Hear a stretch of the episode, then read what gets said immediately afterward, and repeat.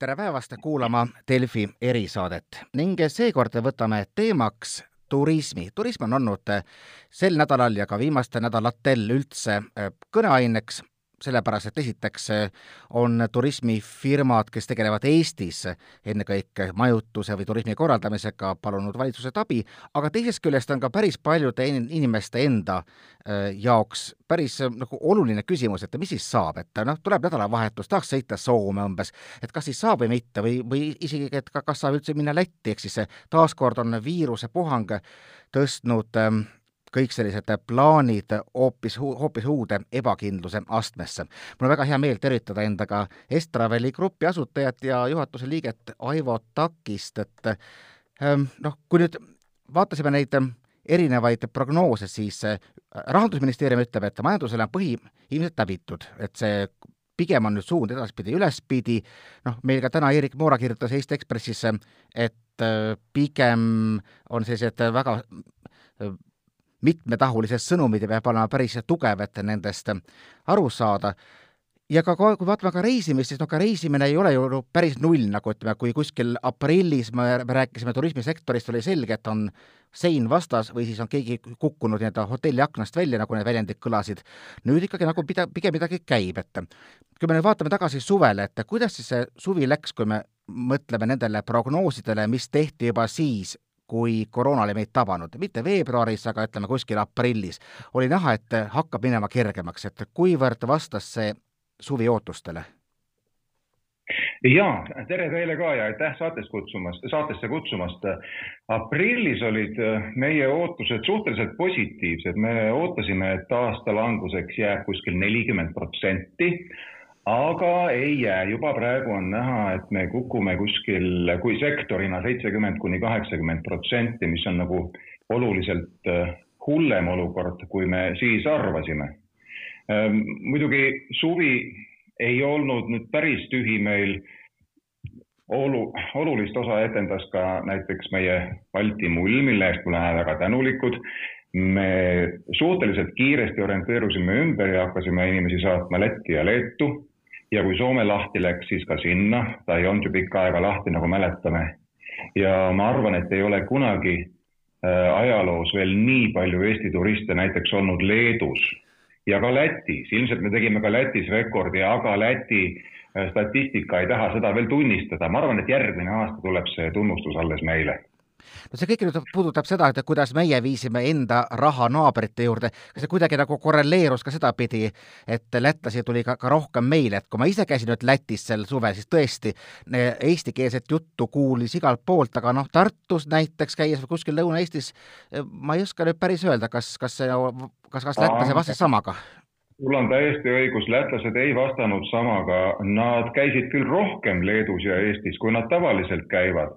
aga nende suhteline reisiaktiivsus Lätist välja jäi tunduvalt alla selle, mis on eestlaste suhteline reisiaktiivsus Eestist välja. Ja alati on olnud ka see niimoodi. aga no mis Tartusse puutub, siis äh, samamoodi nagu Taugapilsis ei olnud eesti keelt ka see suvi kuulda, ei olnud ka Tartus tõepoolest palju läti keelt kuulda. Et see pigem kontsentreerus tõesti Pärnusse, Tallinnasse ja, ja ka Saaremaale suhteliselt palju jõudis lätlasi sellel aastal. no kui me nüüd vaatame veel üldse veel naabreid üle, siis ka, ka kevadel oli jutt, et noh, kui ka soomlased noh, natukenegi tagasi tulevad, siis on, on, on lootust ja küll tehti veel erireise, ütleme Saaremaale ja et mil määral siis soomlased seda õigustasid, samas Soome enda valitsus ütles, et ärge reisige kuskile ja see ongi meie kõige suurem probleem, et Soome valitsus on mitu korda juba öelnud väga selgesõnaliselt, et reisimine ei ole soovitav, kahjuks on seda ka meie valitsus teinud. ja see annab tunda, Soomes annab eestlaste puudumine tunda väga vähe, nagu võibki arvata, eks ole, meil annab soomlaste puudumine ikka väga valusalt tunda ja, ja turismisektoris eriti. muidugi turismisektor kui selline, see on niisugune härma, ähmane termin seda ei ole EMTAK-is ära defineeritud. me oletame, et turismisektor tähendab äh, majutusettevõtteid, toitlustusettevõtteid, transpordiettevõtteid, teatud määral ka jaekaubandust ja nad kõik on saanud pihta soomlaste puudusest. ja, ja kõige paremini on muidugi näha seda siinsamas, kus meie peakontor on Tallinna vanalinnas. tänavad ei ole kunagi nii tühjad olnud, kui sellel suvel olid. no kui me räägime ka Estravelisest, et noh, kui mina, ütleme Eesti poolt tulev klient, mõtlen ikka selle peale, et kuhu, kuhu saaks sõita, kuhu te reise organiseerite. ja siis, kui nagu suvi lähenes, me nägime, kuidas mitmed maad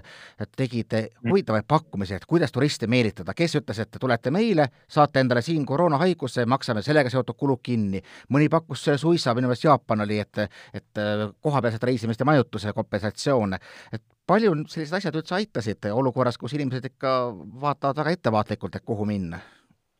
ja lühikene vastus ütlen sulle, et ei aidanud. Need äh, meetmed, mida tegid mõned välisriigid, et maksame, tulge, tulge, maksame teile kinni kolmanda öö või neljanda öö või, või äh, anname teile ühe banaani kolme jäätise ostmisele lisaks see tegelikult ei mõjunud mitte midagi. mida inimesi huvitab, ei ole mitte see, et nad saaksid natukene odavamalt kuskilt kokku hoida, vaid nad tahavad kindlustunnet ja turvalisust.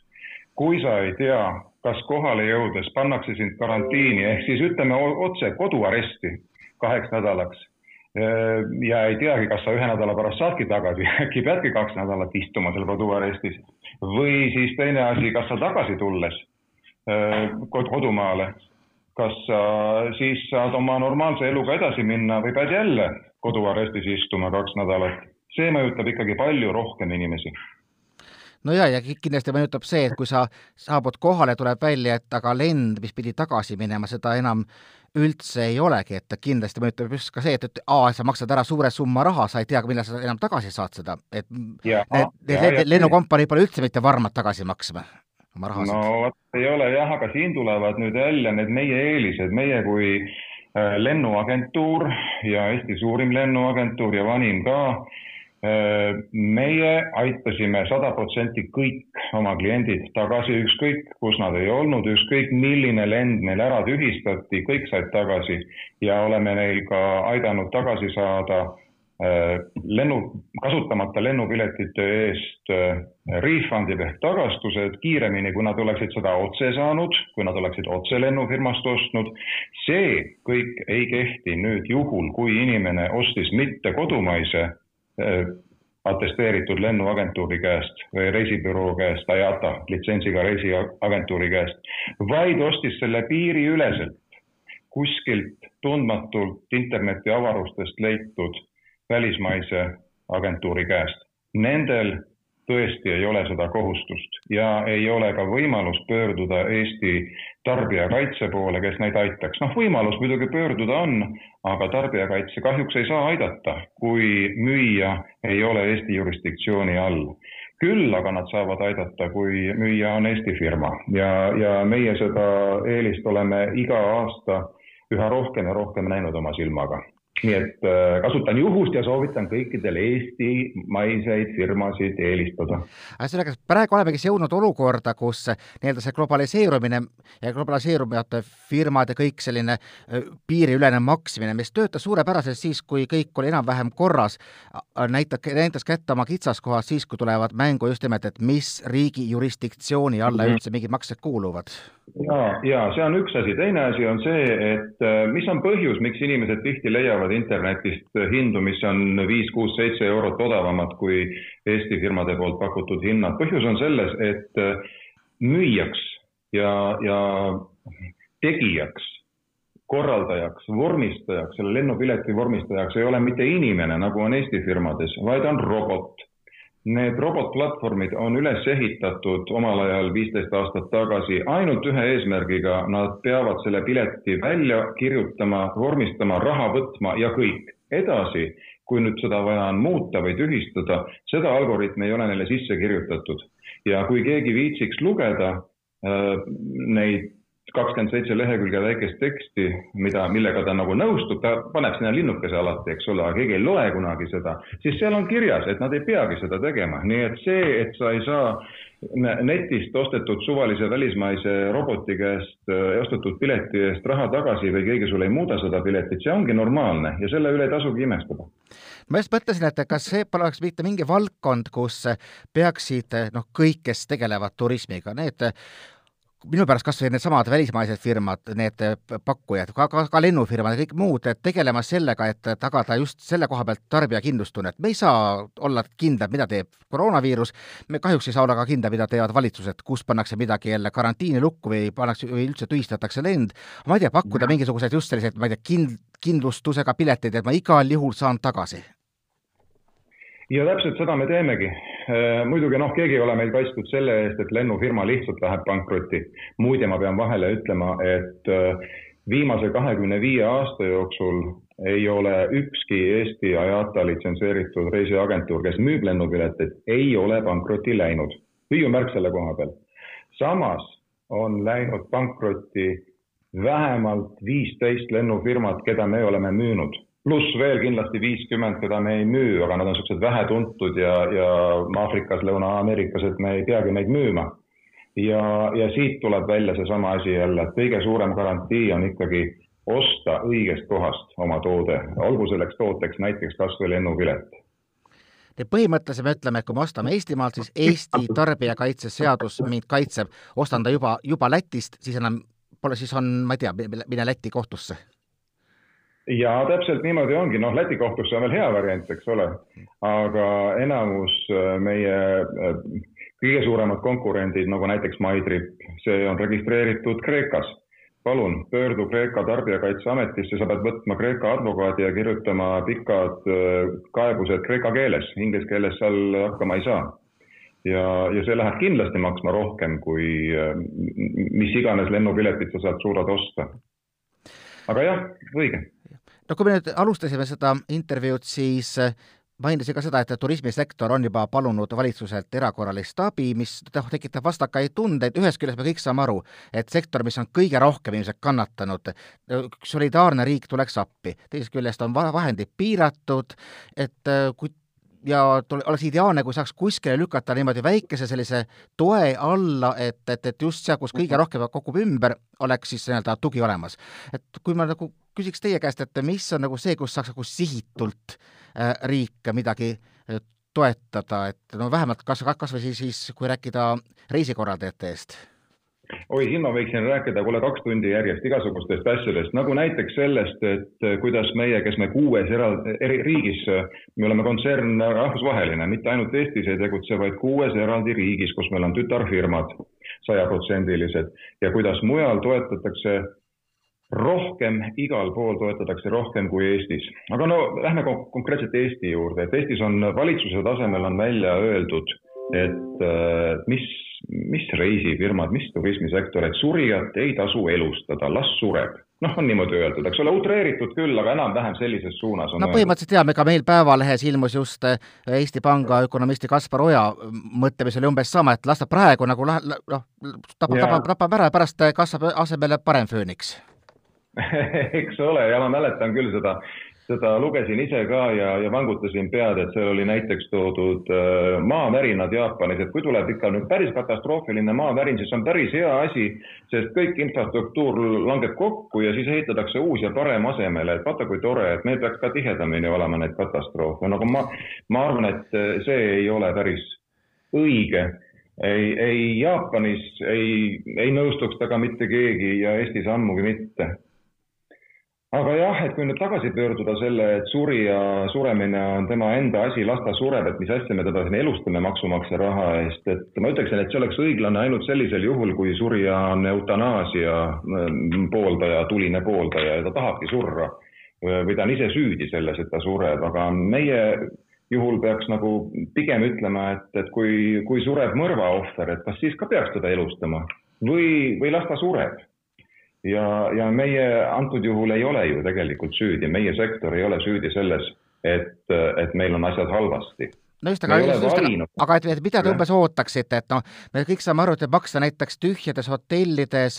kevadeni, kui me ei tea tulevikku nendele hotellitöötajatele, noh, ta tundub eh, ühest küljest ju solidaarne ja õiglane, aga teisest küljest on ka rahakotil mingid piirid, et kas on mingeid kohti, kus selline abi tõesti, tõesti aitaks? Ma, ma saan täiesti aru, selle küsimus on väga hea, aga tegelikult ma ei ole päris õige inimene nagu selle sektori koha pealt sisse tule, sisse tuleva turismisektori koha pealt vastama, sest äh, meie ikkagi esindame reisiettevõtlust, mitte majutustransporti, toitlustust ja nii edasi kui nüüd konkreetselt reisiettevõtlusest rääkida, siis ega siis meie nõudlus ei ole kuskile kadunud. meie toode ei ole muutunud obsoliitseks, meie ei paku mingisuguseid äh, vokirattaid inimestele müüa, mis sada aastat tagasi muutusid juba ebavajalikuks, eks ole. nõudlus, kõik tahavad reisida ja üha rohkem ja rohkem, lihtsalt nad ei saa, kuna ja miks ei saa? ei saa sellepärast, et riik karistab reisilt tagasi pöördujat kahe, mitte ainult teda, vaid ka lapsi kahenädalase koduarestiga. no ei ole ju normaalne, eks ole, et see ei ole ju meie valik ja see ei ole ka tema valik. Ja seepärast ma peaksin ütlema, et äh, aitamine ja abistamine ja toetamine meie valdkonnas on ikkagi selle asi, kes kehtestas piirangud. ma võin näiteks tuua siin igasuguseid riike, ma toon markantsemaid, meie tütarfirma Austraalias alates aprillist sellel aastal kuni märtsini järgmisel aastal maksab riik kinni sada protsenti kõikide meie töötajate palgad, sada protsenti. no seal on küll teatud piir ees, et see ei saa minna üle kolme tuhande dollari inimese kohta kuus, aga arvestades nende vähenenud töögraafikut ja töötunde, on see täiesti piisav. meil ei ole isegi mitte maksukulusid, noh, sotsiaalmaksu seal nagunii ei ole, selline asi puudub nende praktikas, aga ka muid maksusid me ei pea maksma. ja no näiteks Soomes, võtame Soome. seal äh, niipea kui koroonakriisi tõsidus tuli ilmsiks, tehti kiire muudatus tööseadusandluses kui enne oli sarnaselt Eestile Eesti tööseadusandluse või töölepingu seaduse paragrahv kolmkümmend seitse, kindlasti oled kuulnud, et võis teha äh, maksimaalselt äh, kaks või kolm, mis, mitu kuud seal võis olla, seda äh, palga vähendamist, ühepoolset palga kolm vähendamist. kokku, kolm kokku, jah. jah, kolm kuud ja edasi mitte midagi edasi kehtib täpselt samamoodi kõik nagu ringi ei ole ju midagi tehtud paindlikumaks, lõdvemaks, äh, ettevõtjasõbralikumaks ei ole midagi tehtud. Soomes seevastu tehti, kui võiks ju arvata, et Soome on sotsialistlikum riik kui meie. Soomes on väga tugevad ametiühingud, võta näpust. Soomes on praegu niimoodi, meil on ju Soomes ka firma, suhteliselt suur firma, kolmkümmend viis aastat vana firma juba on meil seal, me oleme sada protsenti omanikud, meil on seal kaks bürood, üks on Helsingis, üks on Jyväskylas, meil on seal kaksteist töötajat ja me oleme äh, saanud nad ilusti panna sundpuhkusele, mitte täielikule küll, aga siiski sundpuhkusele ja nad saavad riigi ja Töötukassa ja Ametiühingu pealt kokku kaheksakümmend protsenti oma normaalpalgast. tegelikult nad istuvad sisuliselt kodus, võib-olla teevad üks päev nädalas tööd, võib-olla mitte sedagi. aga riik maksab kõik kinni, keegi ei eelda seal, et ettevõtja ise on loll et ta ei suuda oma hmm, jutumärkides tulu poolt hallata. Ja, ja peaks nüüd ise nagu midagi välja mõtlema ja, ja, ja või siis, või siis koondama ära kõikide juurde kuuluvate trahvide ja karistustega, millega teatavasti siis nagu tööandjat trahvitakse, kui ta koondada tahab. Soomes on see asi palju paremini tehtud, samamoodi ka Läti ja Leedu, kus meil samuti on tütarfirmad, ka seal on asi mõistlikum aga nüüd veel ühte, ühte asja ma tahaksin nagu äh, tuua, just selle, sa mainisid Kaspar Oja, et äh, kui ei saa, lööme laiali, ehitage pärast äh, parem asi peale. ma ütleksin selle peale vastu, et, et meie kui, kui äh, reisiettevõtja, me teenindame suures osas täna ja nagu ka viimased kakskümmend aastat riigisektorit ja avalikku sektorit hankelepingute alusel ja, ja mitte ainult Eesti äh, avalikku sektorit, vaid ka EU riigiasutusi ja, ja agentuure, suuri agentuure me teenindame. ja need lepingud kõik ju kehtivad edasi, neid ei ole peatatud, neid ei ole tühistatud, meil on järelikult praegu kohustus olla pidevas valmisolekus, sest teoreetiliselt juba homme võivad äh, kõik nende tellimused täies mahus taastuda. keegi ei ole meile öelnud, kas nad taastuvad aga keegi ei ole ka öelnud, et nad ei taastuks, me peame valmis olema selleks, et nad homme taastuvad. järelikult me ei saa oma kõrgelt koolitatud spetsialiste ju koondada. me peame ootama, me oleme, me oleme võtnud kohustuse riigi ees, avaliku sektori ees ja, ja noh, mida nüüd siis selle peale lugupeetud Eesti Panga ökonomist peaks nüüd siis arvama, kas, kas, kas ta soovitaks meid, et me koondame kõik ära, rikume lepingut me ei taha seda teha, miks me, miks me peaksime oma, oma pikaaegset lepingupartnerit ehk siis riiki ja avalikku sektorit niimoodi alt vedama, me ei taha seda teha. kõlab natuke samamoodi, nagu räägitakse noh, energiavarustuskindlusest, et mingi hetk pead sa maksma sellele suurele elektrijaama omanikule peale, et hoia oma jaam palun töökorras, et harilikult võib-olla vaja ei lähegi, kui tuul puhub ja päike paistab, aga, aga teinekord on hädasti vaja seda hoida see on täitsa, täitsa, täitsa hea võrdlus, mulle see võrdlus täiesti meeldib kohe, et äh, kui ikka ühel hetkel on äh, nii soe, et keegi ei taha e, elektrit, ei, ei triigi, ei küta, mitte midagi, et äh, mis te siis virisete, pange kinni, koondage oma elektrijaama töötajad ära ja tehke oma elektrijaamast parem lastel juuveli. No kui me rääkisime kõigepealt nendest piirangutest, et inimesed ei taha jääda koduaresti, et no kuidas teile tundub, kui nüüd räägitakse ikkagi, et tuled lennujaama, teed oma selle koroonatesti, on ka vastik, lükatakse ora sulle ninast sisse, aga et kui, kui see, nagu see, need skeemid nagu asendaksid selle karantiininõude, et see võiks olla mingi pääsetee äkki? no ma arvan, et pigem oleks pääsetee see, kui kogu Euroopa lepiks kokku ja noh, normaalne on, et meie kui mm, föderaalne unioon peaaegu oleksime ühtede, ühtede tingimuste ja ühtede lepingu pügalatega, et selleks ei pea panema paika mingisugust ümmargust numbrit, et siis nädala pärast seda muutma hakata, vaid selleks võiks olla keskmine. kõige rohkem meeldib mulle Läti valitsuse mingi nädalatagune otsus, kes tegid no nii, väike, väike, väikesed äh, otseintervjuu võlud, nii et. jah, panin kinni, et, äh, et Läti läks seda teed, et otselende lubas riikidesse, kus oli kahekordne keskmine nakatumise määr.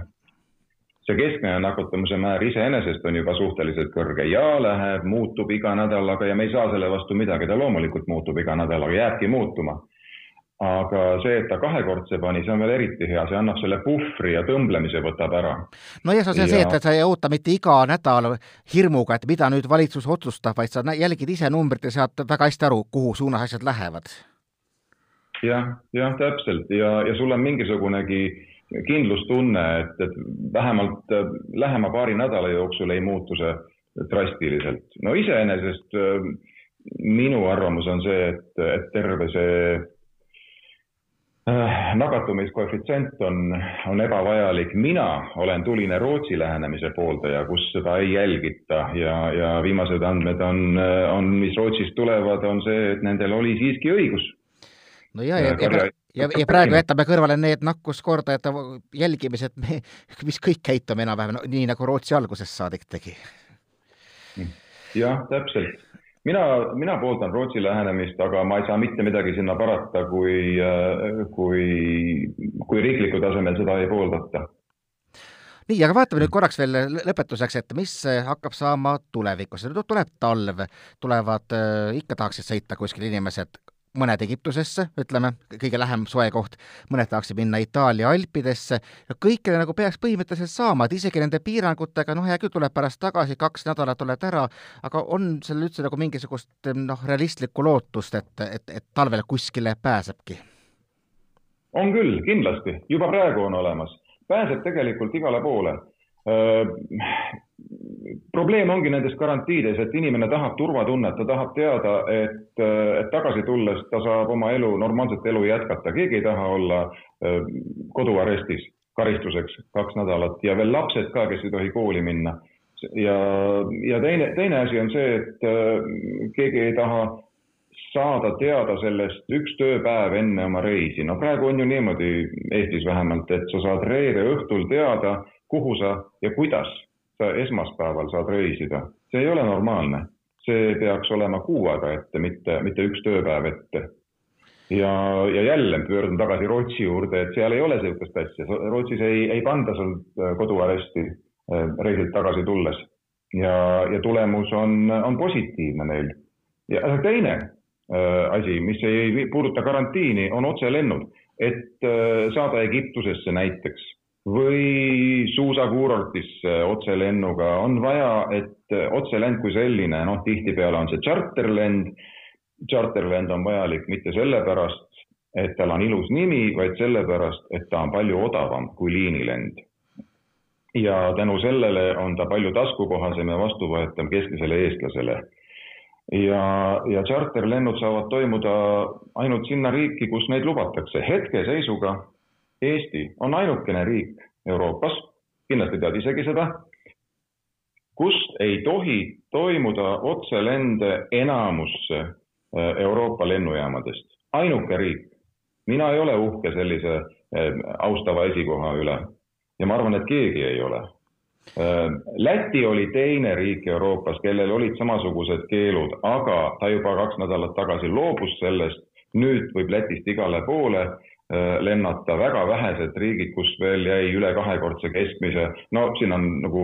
karikatuure võimalik välja tuua, näiteks nagu Läti, Läti otsuses oli kirjas, et Andorrasse ei tohi otselende siiski veel teha. Andorras, vabandage, ei ole ühtegi lennujaama, parima tahtmise juures sinna ei saa otselende teha no just nimelt, peale kauba kogu see süsteem on avatud kuritarvitustele, et mul tuli just meelde üks tuttav, kes tahtis tulla Tšehhist läbi Ukraina, Ukraina pandi kinni, sellega peale ta sõitis rongiga Viini, mis oli siis roheline riik ja tuli Eestisse ja ei mingisugust garantiikohustust, ehk siis. ja, ja täpselt, täpselt niimoodi tehaksegi, aga see ei ole ju asja eesmärk ometigi, et äh, kui nüüd tõesti karta öö, äh, olla viiruspaanika ohver ja, ja, ja öelda, et öö, äh, lendamine toob viirust ja tapab, miks me siis lubame mitme lennuvälja kaudu lendamist, see ju toob palju rohkem viirusi kaasa, me ju kõik saame sellest aru. nii vaatame, mis täpselt siis talv toob, aga vaatame korraks veel lõpetuseks päris kaugemale tulevikku. et nüüd on noh, kõik need lennufirmadel, enamik lennukeid ikkagi seisab kuskil, järjest teatatakse eh, koondamistest, no mõne, mõni näiteks leiab, et aga pigem on aeg investeerida, nagu, nagu ungarlaste Wizz Air näiteks, aga ikkagi nagu jääb mulje, et, et, et noh, et kõik need õnnelikud ajad, mis olid hetk enne pandeemiat, et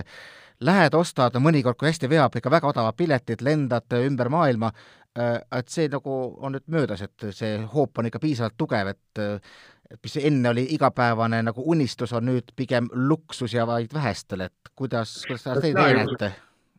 mina ei usu, et lendamine muutub luksuseks. senikaua, kui meil on vaba turg ja vabaturu tingimustel on alati keegi, kes tahab turgu võita ja on selle nimel nõus odavamalt ära andma kui teised. see ei muutu mitte kuskile, no välja arvatud juhul, kui jääb alles ainult üks või kaks lennufirmat maailmas, aga no seda ohtu praegu ei ole. ja senikaua, kui neid on palju ja nad omavahel konkureerivad, alati lüüakse hindu alla. ainukene asi on see, et kui riigid ainult ei sekkuks, kui riik ei sekku, kui lastakse majandusel ja äril omasoodu minna, seaduse piires muidugi, siis on kõik korras ja inimesed on rõõmsad. niipea kui riik sekkuma hakkab ja ütleb, et sina ei tohi sinna minna, sina tohid sinna küll minna, aga tagasi ei tohi tulla, sina ei tohi kumbagi teha, siis hakkab jama jälle peale ja on kõigil halb, nii meil kui klientidel selle mõttekohaga on, ma arvan, et väga paslik lõpetada ning soovida siis riigiisadele mm, samasugust tervet mõtlemist. suur aitäh, Estraveli Grupi juhatuse liige Aivo Takis! aitäh, et kutsusite!